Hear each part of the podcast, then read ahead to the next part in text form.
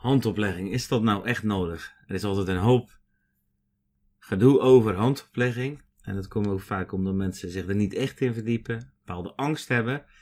op grond van een tekst in 1 Timotheüs 5, vers 22 is er ook angst om deel te krijgen aan de zonde van anderen. Daar ga ik zo nog even op komen natuurlijk.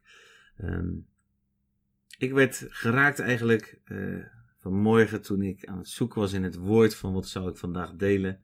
Um, over naar een tekst in Deuteronomium, in het Oude Testament. Daar staat Jozua nu, de zoon van Nun, was vol van de geest van wijsheid. Dus de Heilige Geest, de geest van wijsheid.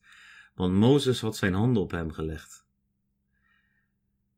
Deuteronomium 34, vers 9. Dus in het Oude Testament al werd zalving, bekwaamheid, overgedragen door handoplegging. In het Nieuwe Testament is het alleen maar toegenomen, komen we het overal tegen. Maar veel mensen hebben dus die angst gekregen door bepaalde verkeerde schrift uitleg. En daarmee ontzeggen ze zichzelf echt iets. Daar ben ik zo van overtuigd, omdat ik dat gezien heb ook. Als het, ik kijk naar de vrucht, ik kijk niet naar de boom. Mensen kunnen iets vinden ergens van, maar het gaat erover wat brengt het voort. Je moet, als je het over handoplegging hebt, moet je een paar dingen uit elkaar halen. En um, ja, misschien moet ik er twee filmpjes van maken als de tijd uh, te hard gaat. Ik kijk even naar mijn klok daar aan die kant. Um, maar je moet, je moet dingen uit elkaar. Je hebt verschillende vormen van handoplegging. En um, de eerste die heel belangrijk is voor het werk van de Heilige Geest, is de handoplegging om zieken te genezen. Uh, als je handen oplegt om zieken te genezen, dan is ieder gelovige voor geroepen. Marcus 16, vers 17 zegt: En hen die geloofd hebben, zullen deze tekenen volgen. En dan noemt hij een aantal dingen op. In mijn naam zullen ze demonen uitdrijven, vreemde talen zullen ze spreken, slangen zullen ze oppakken. Als ze iets dodelijks zullen dringen, het zal niet schaden. Op zieken zullen ze de hand leggen en ze zullen gezond worden. Marcus 16, vers 17 en 18.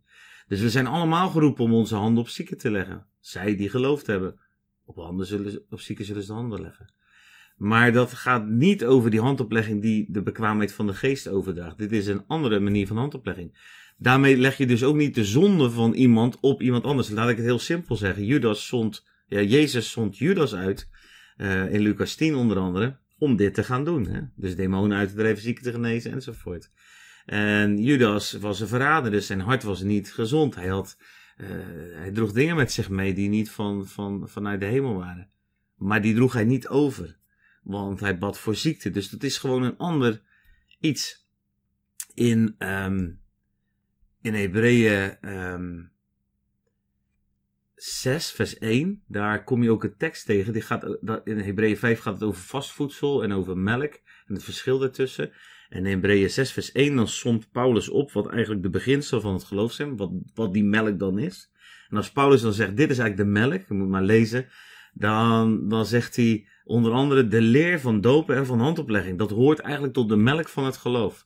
Nou, in onze kerk is het bijna helemaal verdwenen. Maar goed, Even dus naar die verschillende vormen. Dus je hebt handoplegging voor zieken, om ze te genezen. Je hebt handoplegging om mensen te dopen met de Heilige Geest. Um, daar vind je bijvoorbeeld in Handelingen 8, vers 17. In Handelingen 8 het verhaal van uh, uh, uh, de evangelisten die naar Samaria gaat. En hij brengt de mensen tot Jezus, Filippus. En hij brengt de mensen tot Jezus. En dan vervolgens eh, komen de apostelen. En die, hebben, die gaan hun de hand opleggen en dan ontvingen ze de Heilige Geest. Handelingen 8, vers 17. Dus het legt er ook nog wel een verschil wie jou de hand oplegt in die zin. Hè? Want door Filippus heen ontvingen deze mensen niet de volheid van de Heilige Geest. Nou, dat is een tweede vorm die je tegenkomt in het woord. Ik ga de derde en de, en de vierde ga ik in een volgend filmpje behandelen, maar deze is belangrijk genoeg.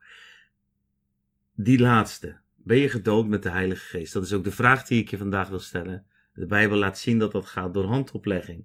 Handelingen 8. En op vele andere plekken waar apostelen mensen de hand opleggen en ze de Heilige Geest ontvangen. Ik wil je uitdagen als je nog nooit die stap hebt gemaakt om je daarna uit te strekken. En als je die stap al wel gemaakt hebt, dan kijk je morgen weer, want dan ga ik het hebben over hoe je dan uitpakt wat je ontvangen hebt. Dus neem die stap, ga naar een plaats waar mensen in de volheid van de geest bewegen, waar apostolische, profetische mensen zijn die ook uh, ja, jullie kunnen dopen met vuur van de Heilige Geest. Daar wil ik je mee zegenen, met moed daarin, als je dat nog niet hebt ontvangen.